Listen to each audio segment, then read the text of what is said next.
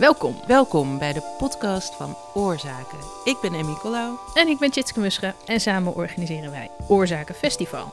En in deze podcast laten we je de beste, de meest inspirerende, poëtische of misschien wel vernieuwende audioverhalen en masterclasses van dat festival horen. Deze aflevering kun je luisteren naar de masterclass die podcastmaker Maartje Duin, bekend van de plantage van onze voorouders, gaf tijdens Oorzakenfestival in de zomer van 2021. Haar masterclass gaat over de vraag hoe je als journalist om moet gaan met de pijn van anderen. Juist pijnlijke ervaringen van je hoofdpersonen zijn vaak interessant voor een podcast. Maar is het eigenlijk wel moreel verantwoord om juist die dingen te gebruiken om er gewoon een goed verhaal van te maken? Nou, als je zelf podcastmaker of journalist bent, bereid je dan maar vast voor. Deze masterclass gaat je een paar ongemakkelijke momenten bezorgen. Maar hij is niet alleen interessant voor makers, ook heel erg voor luisteraars en kijkers. Uh, maar dat zometeen. Eerst. Een kort golfje. Korte Golf is een jaarlijkse wedstrijd van oorzaken voor de beste podcast van drie minuten. En elk jaar verzinnen wij drie eisen waaraan die inzendingen uh, moeten voldoen. En afgelopen jaar was de opdracht om um, als eerste, er moest een levend organisme in opgevoerd worden. En dat mocht dan weer geen mens of dier zijn. Er moest een geluid van wind gebruikt worden, ergens in het verhaal. En dat was dan een geluid uit het archief van het Instituut voor Beeld en Geluid. En er moest een gerecht in de titel zitten. Nou, Elena Dikomitis had nog nooit een podcast gemaakt, maar zij won Korte Golf met glans. En Elena is Vlaams-Cypries, Cypriotisch moet ik zeggen, en werkte lang in Libanon als hulpverlener. En ze was daar toen een grote ontploffing half Beirut in puin legde, twee jaar geleden, en heel veel mensen de dood vonden. Luister naar haar korte verhaal Stoofpot met Zahatar. Origanum syriaca. In Libanon is deze bijzondere plant beter bekend als zatar. Het vormt de basis voor het gelijknamige kruidenmengsel uit het Midden-Oosten. En Libanezen zeggen het zo vaak. Kom, ik maak snel een broodje zatar voor je klaar. Het is zo goed voor je. Het is goed voor je geheugen. Maar wat als ik wil vergeten? We're staying inside the building now. Because it's not safe to go outside. Of moet ik me het eerst heel goed herinneren om het daarna te kunnen vergeten? Ja, je wilt eigenlijk iets uit je hoofd gooien, maar dat kan niet, want het is natuurlijk echt gebeurd. Ik praat hierover met gezondheidszorgpsycholoog Sascha Lucassen. Normale ervaringen die komen je hersenen binnen en worden ergens achterin veilig opgeslagen in je lange termijn geheugen. Bij traumatische ervaringen is daar geen tijd voor. Je, je kwakt het zeg maar in een kist en deksel erop en klaar dan wordt het zeg maar gefragmenteerd opgeslagen. Het ligt er heel slordig bij. De flarden drukken tegen de wanden aan en bepaalde triggers, een geluid, iets dat je ziet of iets dat iemand zegt, duwen het deksel van de kist omhoog. Heb je echt het idee van ik zit hier in diezelfde uh, traumatische situatie. Heel veel mensen denken als ze herbeleving krijgen, de, ik ben gek, ik ben gestoord. En uh, dat moet je vooral niet denken. En er zijn goede behandelingen om je van je posttraumatische stressstoornis af te helpen. De kist in mijn hoofd dateert van 4 augustus 2020 in Beirut. Het deksel klapt open bij een laag vliegtuig, zware trillingen, een glascontainer die geledigd wordt, maar vooral bij storm. En, oh ja, ook bij kiekeboe.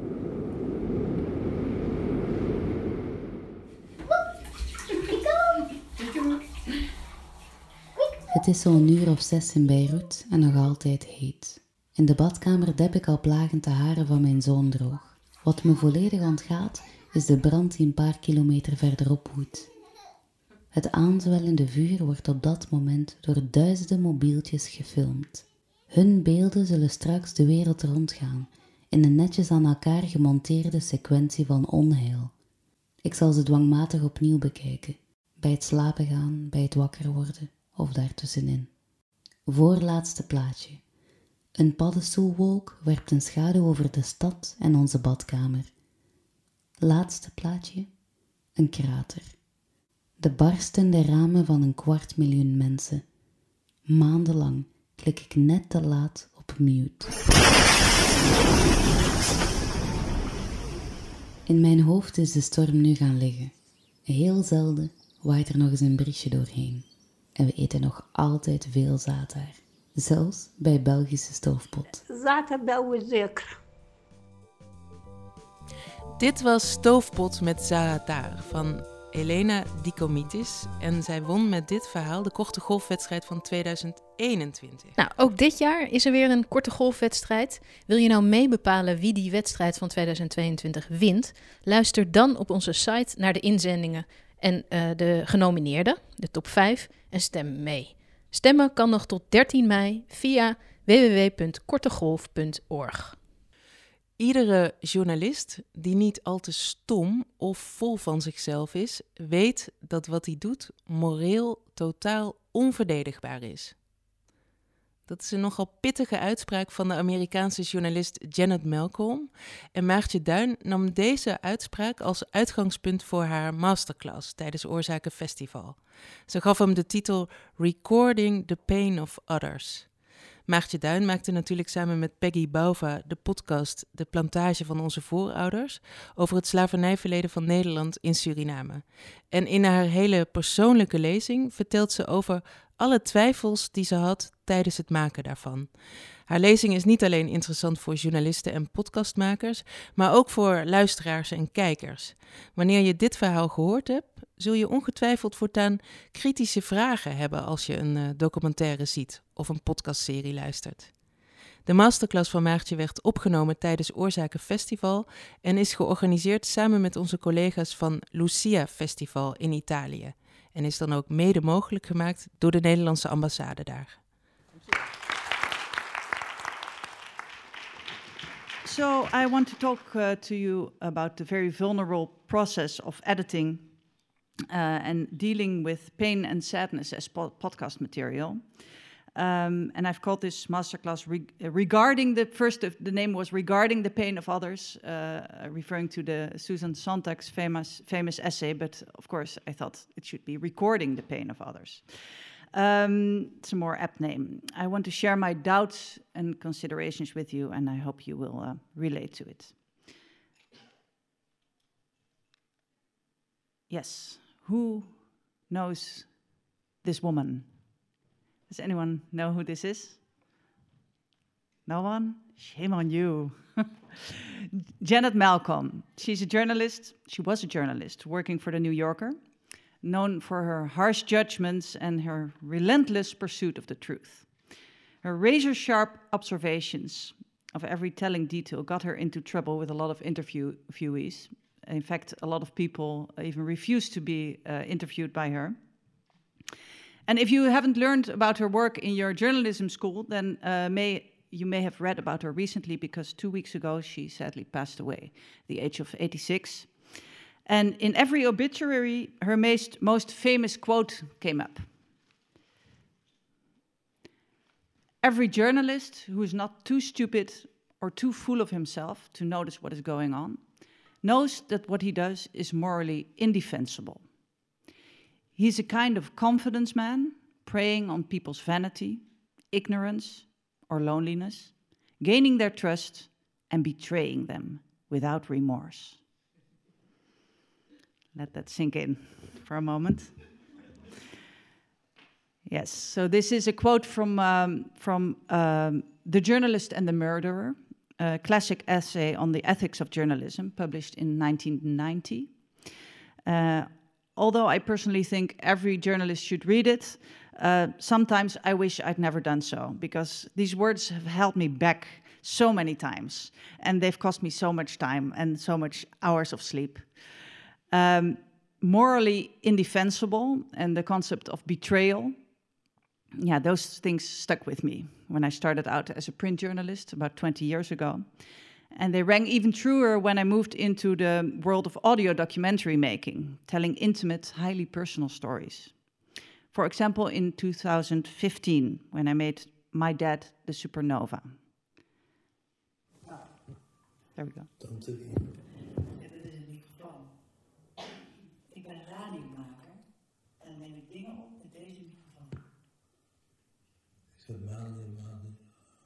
Microfoon.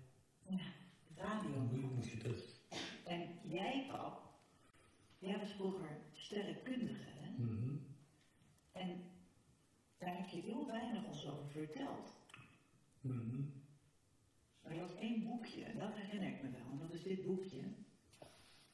Daar leerde jij ons uit wat bijvoorbeeld eh, de zwaartekracht was. Ja. Zal ik je daar een stukje uit voorlezen? Ja. Hoe komt het dat de aarde niet valt? Hoe zou het nu komen alle dingen op aarde vallen wanneer ze niet vastgehouden worden, maar de aarde zelf niet? Yes, my dad was in a far stage of Alzheimer's disease when I recorded this, and he wasn't able to give his consent for the recordings. Um, and when I played him the story a few months before he died, um, a smile ran across his face.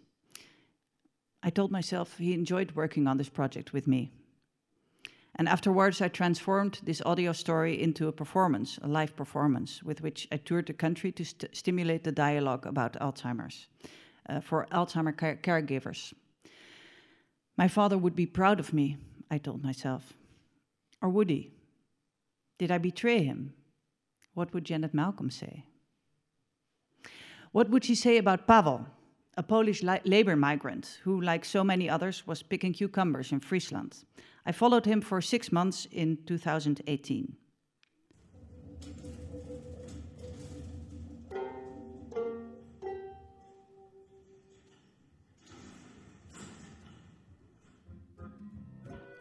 Mag ik jou iemand voorstellen? My name is Paweł Borowika. I come from the East Poland. Tot voor kort woonde en werkte hij in Polen.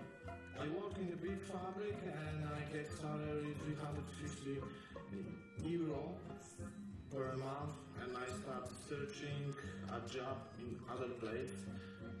Yeah, in other place. Ik ben Maartje Duin en dit is het laatste deel van de podcast Pavel, de Poolse plukker. In deel 1, 2 en 3 hoorde je hoe Pavel werkte, We got in common. woonde We live now with eight person. en zijn vrienden opzocht in Polen. When I come back to Poland and visit with my friends, I'm a little bit sad because they already have a family and I still searching a better life. Nu is hij weer terug in Friesland en er moet hem iets van het hart. I'm really disappointed about the West. That they don't want to us, but they need us. Yeah, Pa- Pavel asked me several times to publish his story. He wanted his voice heard and his perspective to be out there. But wasn't that just because he thought that it would provide him an escape from life in the greenhouse, where I le- left him to go on collecting prizes with his heart wrenching tale?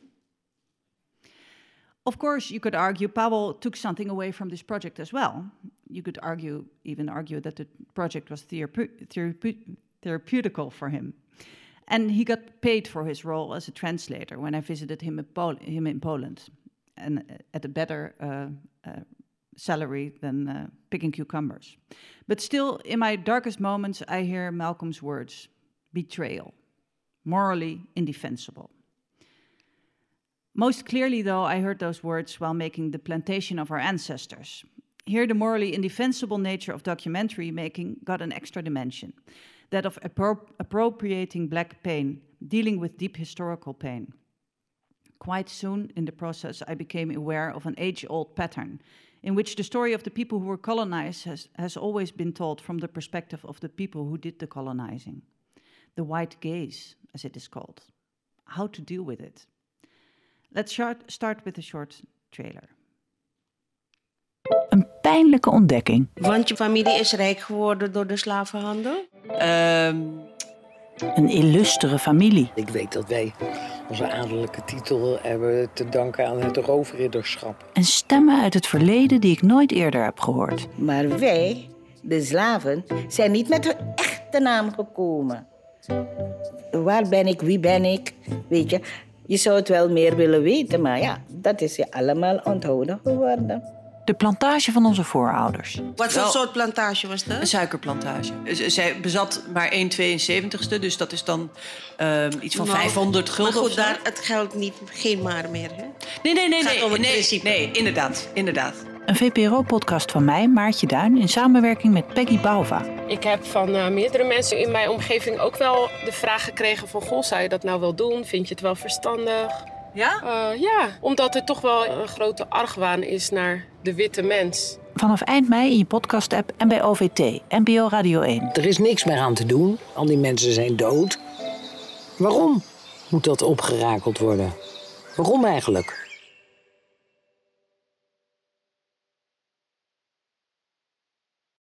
I delve into my family tree and I discover that several of my ancestors played a role in uh, the Dutch slavery past.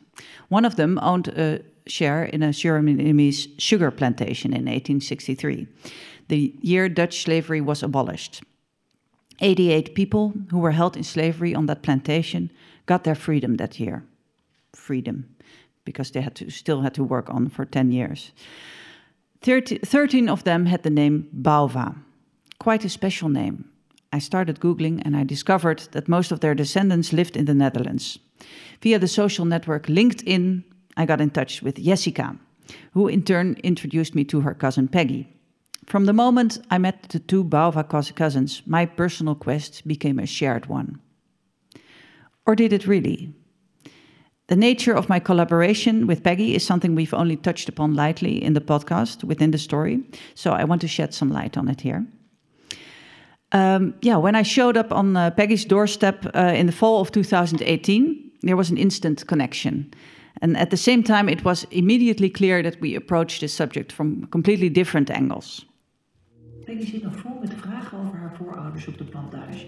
Waar was dat gebied? Waar was dat stuk grond? Hoe zag het eruit? Welke families waren er? Hoe werd daarmee omgegaan? En de sleutel tot de antwoorden ligt misschien wel bij mij. Ja, ik zou het in elk geval wel heel uh, mooi vinden om samen met jou onderzoek te doen. Om te kijken van, goh, zijn er nog foto's bij jullie in de familie? Dagboeken, hè? vroeger werden er veel dagboeken bijgehouden. Of uh, echt eigendomspapieren. Of um, ja, stel je voor dat de plantage nog intact zou zijn. Hoe mooi zou het zijn als we daar samen naartoe zouden gaan en dat we samen een planoffer brengen, bijvoorbeeld. Dat zou ik bijvoorbeeld heel bijzonder vinden. Samen onderzoek doen. Het klinkt mooi. Het klinkt bijna te mooi om waar te zijn.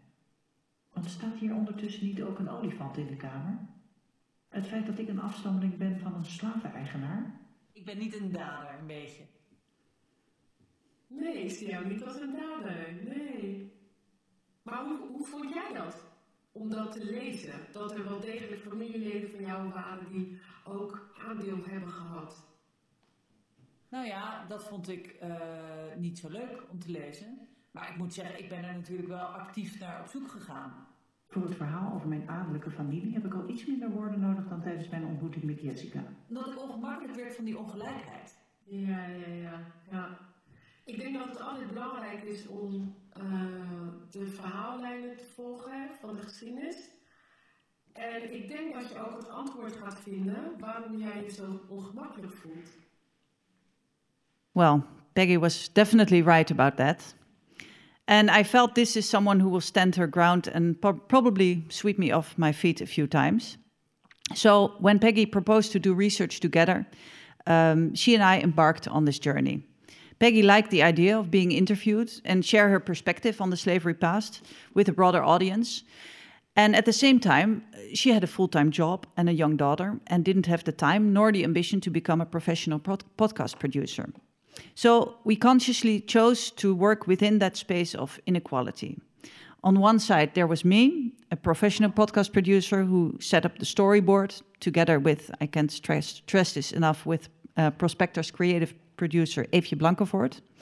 I did most of the archival research, approached experts, and did the editing. And the voiceovers remained from my perspective. And the story remained, in that sense, shaped by my white gaze, which was also the main issue of the, the, the main topic of the podcast. Uh, on, of not the main, but yeah, the perspective. On the other side, there was Peggy, a driven protagonist whose main motivation was finding and sharing information about her ancestors. Her role in this project went far beyond that of any normal interviewee. She engaged her entire family, which we interviewed together. Um, she listened to and commented upon the rough edits, and she wanted to make sure she and her family didn't get betrayed. Peggy also engaged musicians in one instance and generously provided crucial cultural information. And in the context of full transparency, Peggy got paid for her edit- editorial advice and for promoting the podcast. And of course, her costs were covered, for example, the trip to Suriname. Uh, she didn't get paid for researching her family history. And that was something she made clear from the beginning she wanted to do anyway. So Peggy will be joining us um, at the Q&A on Saturday, uh, Sunday, uh, Sunday 2.30. Uh, on that occasion, we will tell you more about the second season that we're working on, uh, in which a major difference is that Peggy is involved in the process from the start, uh, coached by our colleague Nicole Terborg, our presenter for today. Um, so today I want to talk uh, uh, to you as a as a director about my di- di- uh, directorial choices with a director with a wide gaze, dealing with pain and sorrow as footage for a podcast. And I want to apply Janet Malcolm's premise of moral indefensibility to the dynamic between me and two other Bouva family members, Peggy's cousin uh, Jessica and her uncle Kenneth, because it was in my, my contact with the two of them that I heard Janet Malcolm's words the loudest. This is Jessica. So she was the first uh, I got in touch with uh, via LinkedIn. Uh, she proposed to talk on the phone, but yeah, I wanted to capture our first conversation in audio, of course. I explained my plans a bit more elaborately via email and asked if she was okay with me bringing a microphone if we met in person, on the promise that if she resented anything afterward, uh, I would not publi- publish it. Jessica agreed this all sounds like I was in charge of the situation, but uh, I, have never been so nervous for an interview. And uh, yeah, maybe it's, it's enough to say that the working title of the project in this stage was Guilt Trip. so let's, let's listen to uh, that first meeting. Hi. Hallo. Ja, Maartje, neem ik aan. Hoi, Jessica. Hoi. Nou, fijn dat je er bent. Ja, zeker. We kunnen hier gaan uh, zitten. Ja.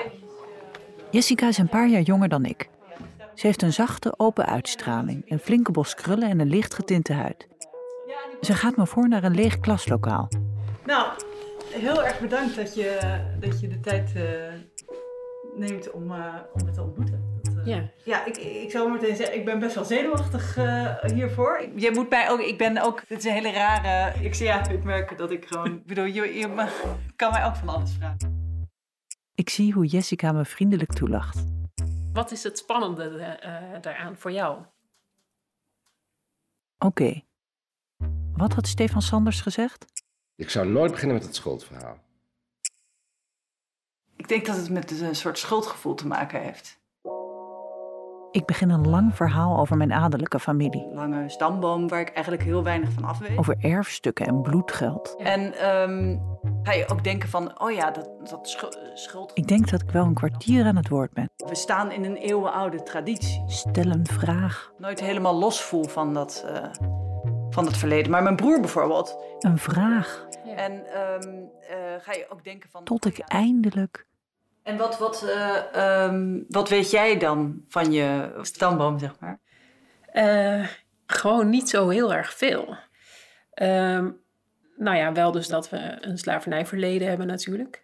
Maar ja, ik ben daar niet ingedoken, dus ik weet daar eigenlijk niet heel veel vanaf. Jessica weet dat een voormoeder van haar op een plantage werd geboren. Nou ja, dus al toen ik Verder weet ze eigenlijk niets.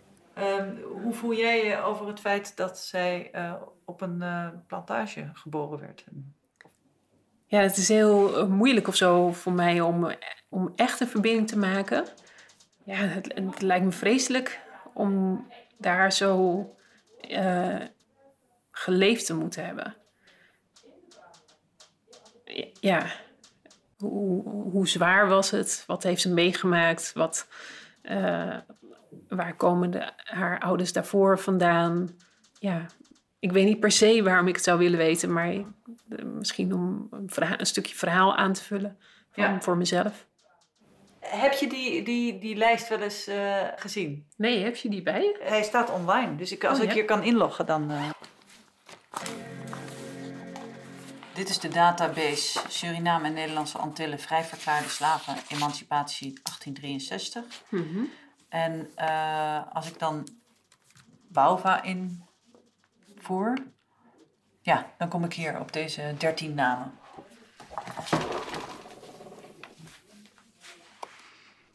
Alexandrina, Ja. Leeftijd 9, beroep spelend. Dat vond ik zo... eh, Waar zie je dat staan? Hier. Oh, ja, apart. Ja. Ja. Mag ik eh, doorklikken? Ja, lekker.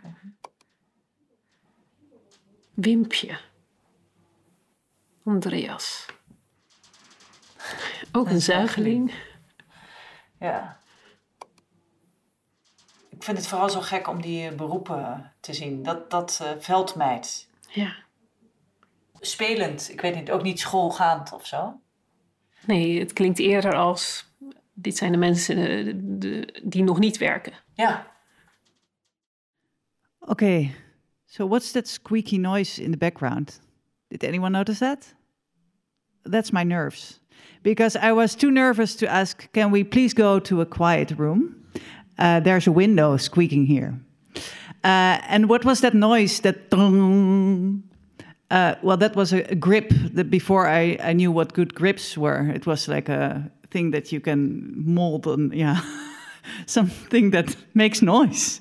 And I was just too nervous to just say, uh, okay, can we can we uh, have a moment here? I need to arrange some uh, technical uh, technical stuff.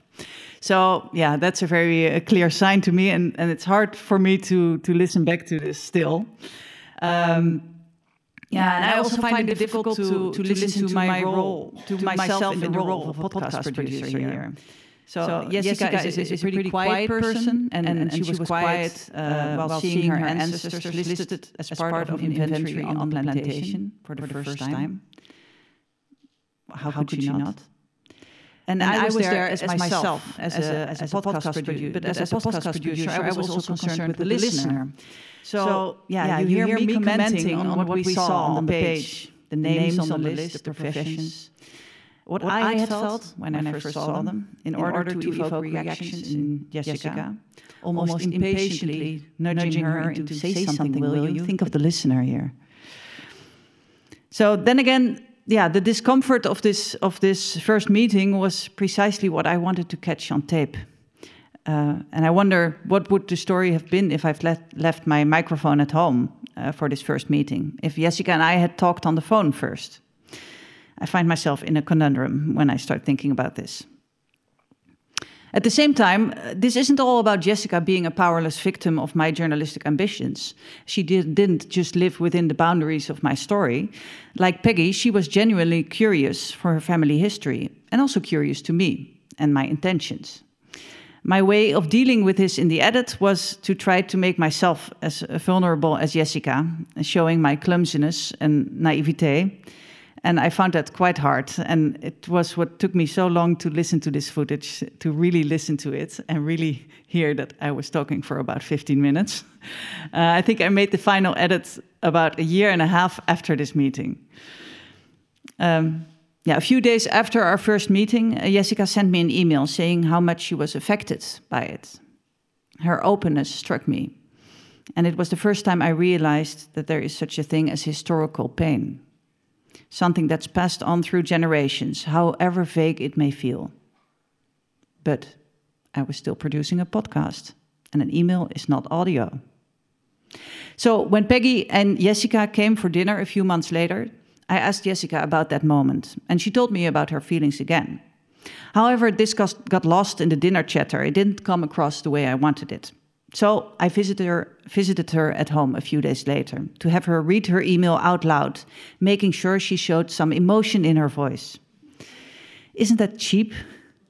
I didn't quite, I didn't quite catch you choking up. Could you please repeat that? Here's how it panned out in the edit.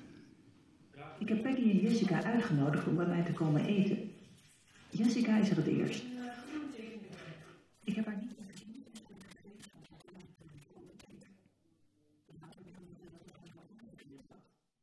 Nee, nee, het was echt een soort immens verdriet. Ik heb ook echt uh, gewoon bij mijn vriend lopen huilen en vertellen van, oh, dit heb ik gedaan. Ik weet niet waarom ik me zo voel, maar ik moet echt huilen. Het uh, bekijken van de lijst en het, uh, ja, ik weet niet, het over in gesprek gaan of zo. Ik, ik, ik kan nog steeds niet helemaal de vinger erop leggen van, nou, wat, wat is het nou, wat maakt nou dat ik zo onzeker van ben? Ja. Het, ik, uh, ik was ook heel geraakt door je mail. En wat raakte jou in de mail?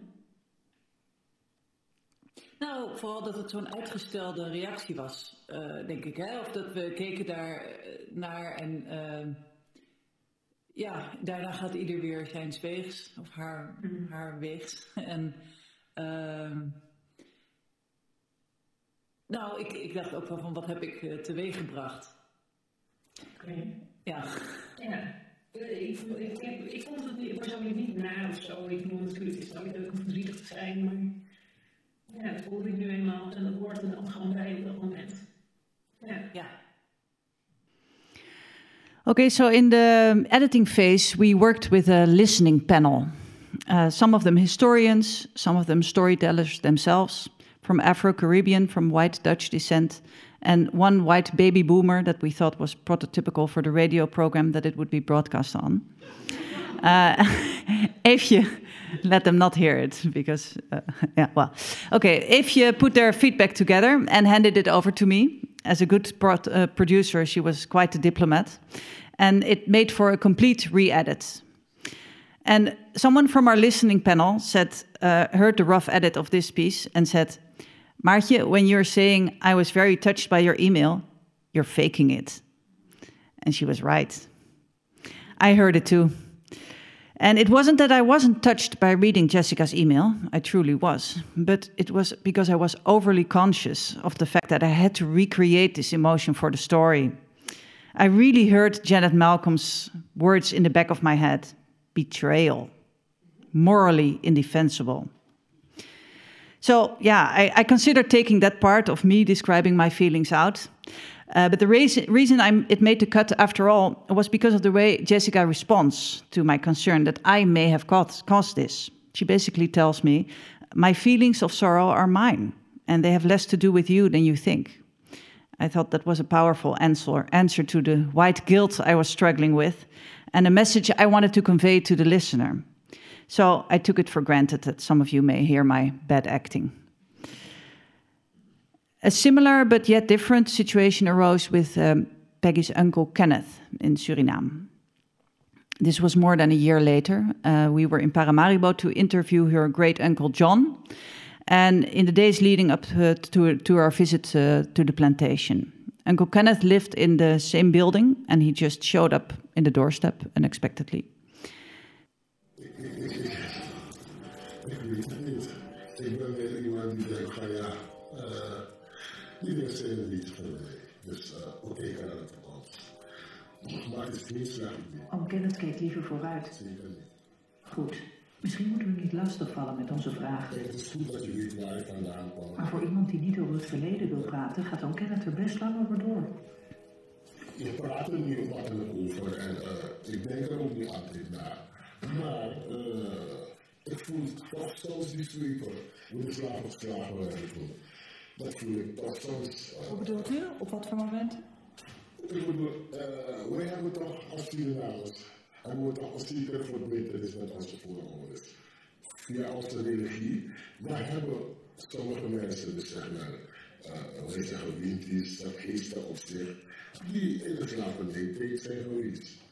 Dan, uh, dat is, dat is een licht of zo. Het leek alsof ik je droomt dat je geslagen wordt. Je beleeft het eigenlijk. Je beleeft het eigenlijk. Ik heb ook jongens gehad die, uh, als ze heel veel gedronken hadden, in trance raakten. En uh, gewoon deden als die slaven van masten ook aan doen. Slangen niet en zo. Na al die jaren is, het niet echt verdwenen. Wilt u daarom liever niet mee naar Toulifan, naar de plantage? Ja, is van de redenen. Hij schrijft er niet alles papa, dat hoor je. Jeetje. Ja. Ja. Dat is. Okay, so this encounter with Kenneth was a, spontaneous and an incredibly vulnerable moment. It was about a year after my first encounter with Jessica, and it was less difficult for me at this point to ask him to elaborate. One, because I knew by this time that this was the story that Peggy wanted to tell, that of intergenerational trauma.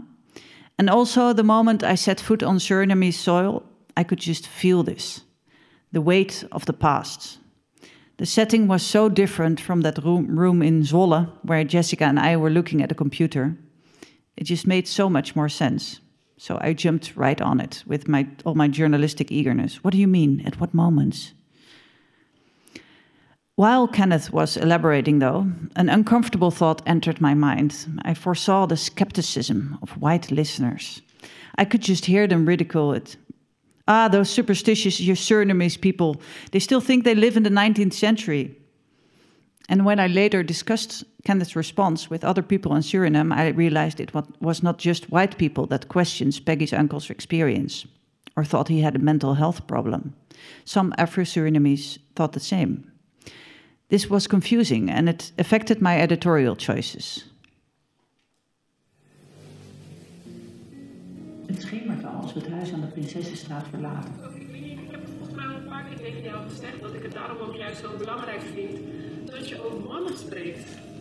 Er zijn zo weinig mannen in het verhaal terug te vinden. Trouwen was verboden in de slavernij en dus ontbreken de namen van vaders in de plantagegegevens. Ja, ja. Ook nu worden veel Creoolse namen via de vrouwelijke lijn doorgegeven, omdat kinderen niet altijd door hun vader worden erkend. Volgens Peggy zit de pijn van de slavernij het diepst bij zwarte mannen. Dat je, daar hoor je vaker? Dat hoor je vaak. Ja, zeker. Dat hoor je wel vaker. Of dat mannen ja, heel agressief kunnen worden. Of dat ze soms zelfs geestelijke problemen krijgen. Op het moment dat iemand een van de belangrijke pijlers in zijn leven verliest.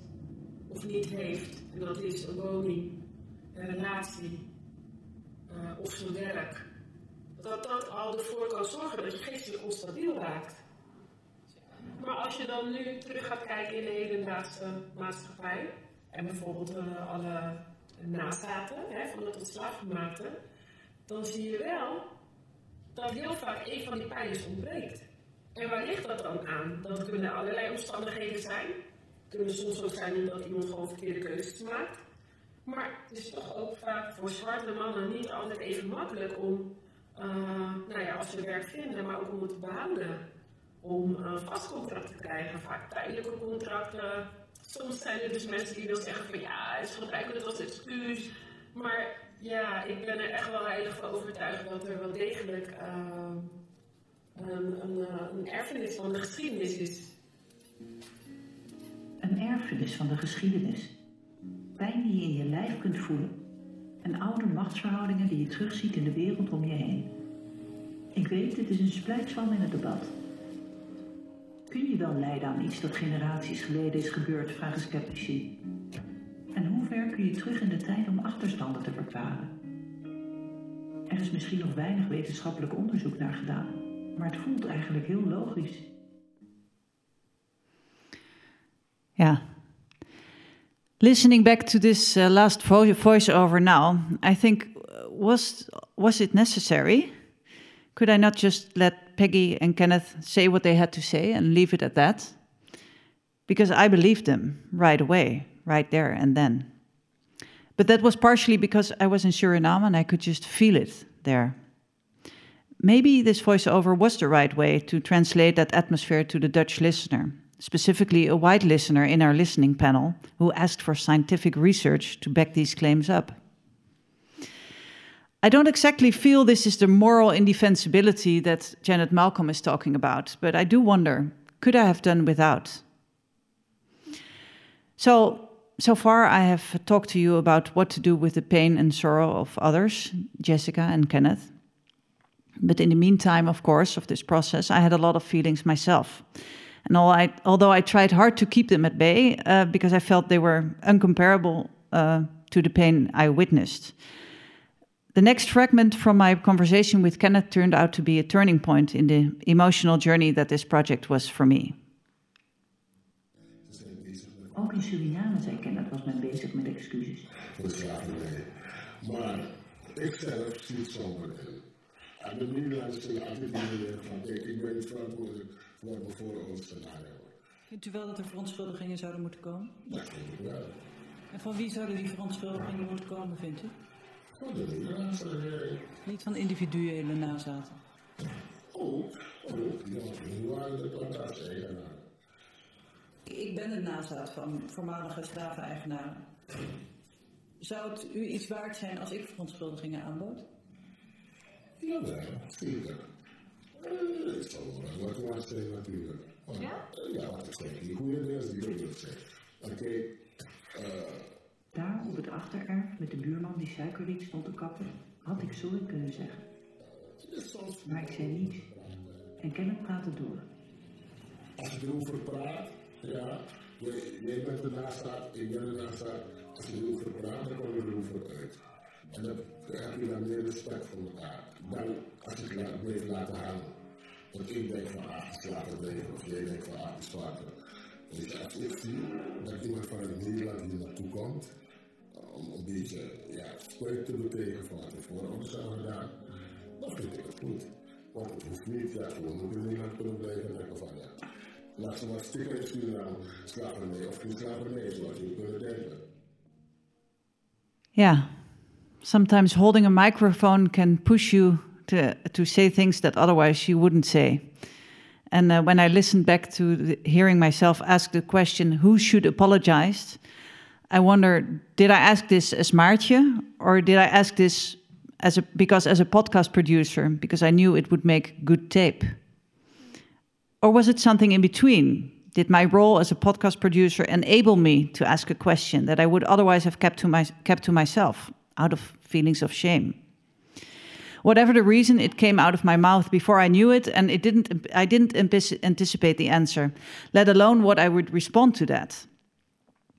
I think back of this conversation as the moment the coin dropped in the two years of the production process. So far, everyone from the Bouva family seemed to evade the question of guilt. Jessica said, Don't worry, my feelings of sorrow have nothing to do with you. Peggy literally told me, I don't see you as a villain. And on the one hand, it felt safe, but it also meant that I could keep my distance. And this bothered me and made me feel like I was just in it for the story. Morally indefensible, right? But Kenneth, seemingly unaware of the microphone, completely himself and honest, told me straight up yes, I do see you as a descendant of the plantation owner. And you see me as a black man. I think people like you should apologize. And it means something to me that you're here because I think that's what you came here for. It was like he saw right through me. I just stood there and nailed to the ground, perplexed, with so many conflicting thoughts and emotions running through my mind. Should I apologize? But then I would be recording myself apologizing, and that would be perverse. While Maartje, the human being, stood there saying she was sorry, Maartje, the podcaster, would be concerned about the sound of a truck driving by. At least part of me would be faking it, like I had done with Jessica. And again, the presence of the microphone also made me conscious of people listening in. Not just any people, my own family. If I would apologize, I would do it on behalf of an ancestor I shared with maybe a hundred of them. Antonia van Linde van der Heim, my, my ancestor, yeah, my great great great grandmother. It felt like I couldn't appropriate her, and I also I wasn't sure. Uh, I was sure they wouldn't agree. They would fear for reparations or something. Of course, another option was to just turn off the microphone right there and nobody would have heard me apologize. But even though Kenneth said it would mean something to him, I felt, uh, yeah, a genuine resistance to doing so. It felt so small and meaningless compared to this immense trauma that I that also went beyond that of Kenneth's individual feelings it's very hard for me to uh, to dissect all these conflict conflicting thoughts that went through my mind at that moment. But I did feel one thing that I hadn't felt as strongly before that Kenneth gave me permission to tell his story.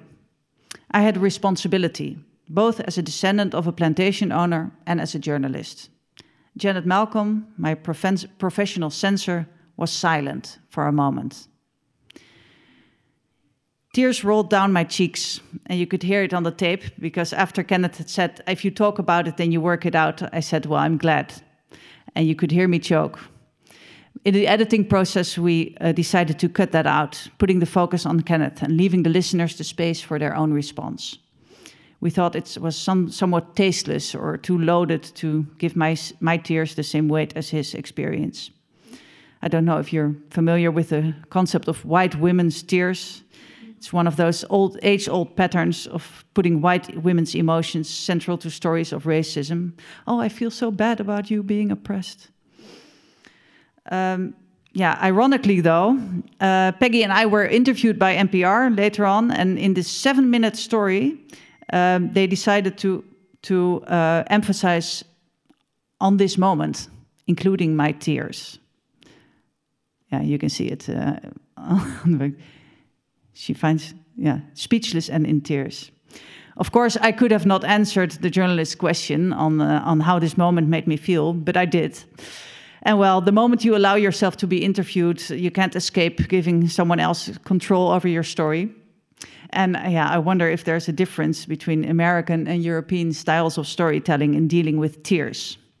If anyone's looking for a subject for a thesis, that might be worth something uh, looking into. um, yeah, so we did look for a way to stress that this was a moment of real connection, though, uh, something that evoked deep feelings on, on both sides. And later on, an opportunity arose when Peggy brought it up during a meeting in Museum van Loon with Jessica and Noraly Beyer de presenter. En excuses dan? Als dat echt moet gebeuren. Weer komt het gesprek dat ik had met oom Kenneth ter sprake. Wat jou zodanig tot op je ziel geraakt heeft, dat jij ter plekke zegt van, jeetje, als mijn voorouders dit hebben losgemaakt bij jou, mijn excuses. En dan gebeurt dat op dat moment. En dat is op dat moment ook een oprecht moment van jou uit naar hem toe. Behalve dat ik dat niet zei. Nee, maar jouw hele lichaam heeft dat wel gedaan. Ja. Ik stond, ik stond naast je, ja. ja. Yeah, so yeah, I hope uh, I've given you some insight in how we navigated the murky waters of journalistic ethics while making the plantation. Uh, and I want to say this: this ex the examples I shared may, of course, not apply to all of you. The uh, project is autobiographical. It's about our colonial past, and it's my way of dealing. And my way of dealing with these things is, of course, highly personal. Uh, I am overall very happy with the way things panned out in this project, and this is for great part, uh, for a great part, thanks to the immense trust I got from Peggy and her family, for which I'm very, very grateful. Um, I want to conclude with a few pieces of advice, though, that may be useful for you uh, as a storyteller dealing with pain and trauma, intergenerational tra uh, trauma. Yeah, first of all, read this book, Janet Malcolm's The Journalist and the Murderer. Um, it makes you realize that when you're holding a microphone, a camera, or a, or a notebook in hand with the goal of publishing other people's stories, you're holding immense power and you're dependent on people's trust. Um, this is even more important, I think, when there's a disbalance in power between you and the people you interview. Like when you belong to a historically privileged group and the person you're interviewing uh, to a historically marginalized group. So it is good to have this as a constant reminder. Um, yeah, this is, um, there's a lot to say about intergenerational trauma, and I am not uh, an expert on that of any sorts, but I did find this cartoon very, uh, very telling. Um, do not underestimate the weight of trauma. Uh, if, if it's intergenerational trauma, war, childhood trauma, people have different ways of dealing with their pain.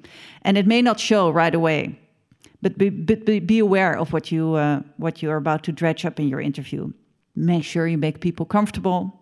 Show them that you're not coming to get a quote and leave. Uh, be aware of the space your interview takes place in. Do not forget the squeaky windows, though. Um, the setup, setup of the microphones. Uh, you may not want to look your interviewee right in the eye and um, ask them probing questions. Um, sit next to them, join them on the walk, and check up on them afterwards. This is something I continually do, did with my own family and as well as with Peggy's. Uh, I've been in touch with Kenneth before we made the edit, and uh, um, yeah, Jessica heard the edit too before it was uh, aired. Um, and they also know that uh, that I'm uh, that I'm talking uh, to you about them today. Um, yeah, take your time. I can't stress this enough. how important this is. Um, and I don't just mean the time of the of the interview itself, but also um, the preparation. You need time to acquaint yourself with the subject you're de delving to. Uh, it, yeah, this might may sound like a like an open door, but I think it's even more uh, uh, important when uh, dealing with these sorts of subjects. Uh, rather read one book or watch one film too many than too few. Uh, and also, you need a lot of time to build up a relationship with your interviewees to gain trust. And last of, but not least, when working on an auto autobiographical story, you need a lot of time to let information sink in emotionally, to face your discomfort, and to let it change your perspective. Um, yes, I decided to uh, include this one as well. Don't self flagellate. This one is especially for white people with a Protestant background, like myself and many other Dutchies. Uh, I don't know about you over there in Italy, but uh, forgive yourself. Uh, please allow yourself to make mistakes and just don't give up. Just try to do better next time. Both before and after this project, I have made mistakes in interviews about similar issues that I thought I was way past, running into blind spots I thought I'd long gotten rid of. Um, so I still consider myself very much in a learning phase. Um, and as I think we all are in this process of decolonization. Um, so throw Janet Malcolm away the minute she's no longer useful uh, to you, and open your doors to her again when you're ready. Thank you. Dit was de masterclass van Maartje Duin tijdens Oorzaken Festival. Uh, wij zijn trouwens inmiddels heel druk bezig met het organiseren van een nieuwe editie in 2023. En wil je op de hoogte blijven daarvan, schrijf je dan in op onze nieuwsbrief op www.oorzaken.org. Tot slot weer een luistertip. Deze keer van de Vlaamse radio- en podcastmaker Catharina Smets, die onder andere afgelopen jaar de prachtige podcast De Stemmen maakte uh, voor de Vlaamse opera. Een tijdje geleden hoorde ik de documentaire Vaterland van de Rwandees-Duitse Amelia Omohire. Een jonge maker, uh, ook een filmmaakster, die hierbij haar eerste persoonlijke documentaire maakt. En ze vertelt het verhaal van haar vader. Haar vader die ze eigenlijk niet echt meer gekend heeft, want ze was eigenlijk heel klein toen hij um, stierf in Rwanda in eigenlijk het geweld tussen de Hutus en de Tutsis. Zij waren Tutsi en zij moesten op de vlucht gaan. Ze herinnert zich nog hoe dat ze met haar moeder in Hotel Rwanda uh, moest schuilen. Weet je wel, van die bekende film. En het mooie, um, het mooie aan dit werk is dat het een, een soort van brief is aan haar overleden vader. Haar vader die zelf linguist was die heel erg belezen was. Dus de, het, ja, het hele luisterverhaal bestaat uit Duits, Rwandees, Frans en Engels. Een hele mooie mengeling, vind ik. En ook, ja, het gaat over een, een heel gewelddadig conflict dat nu al een tijdje achter ons ligt, maar dat een hele grote indruk heeft nagelaten op Amelia en uh, je hoort haar moeder, haar zus vertellen. En het gaat ook over het perspectief um, van ook soms witte reporters op een gewelddadig conflict in Zwart-Afrika. Dus uh, ja, ik vond het een hele mooie, poëtische en tegelijkertijd rauwe vertelling. In de volgende aflevering van Oorzaken Podcast een hele speciale bijdrage van Groene Oren de populaire podcast van Martijn van Tol en Staatsbosbeheer. En daarin worden dieren en planten geïnterviewd. En in deze aflevering speelt Brigitte Kaandorp Fluitenkruid. In de show notes vind je alle linkjes en podcasts die we genoemd hebben. Uh, en wil je nou op de hoogte blijven van alles wat Oorzaken doet? Volg ons dan op Instagram, Facebook of schrijf je in voor de nieuwsbrief. Dankjewel voor het luisteren. Dag!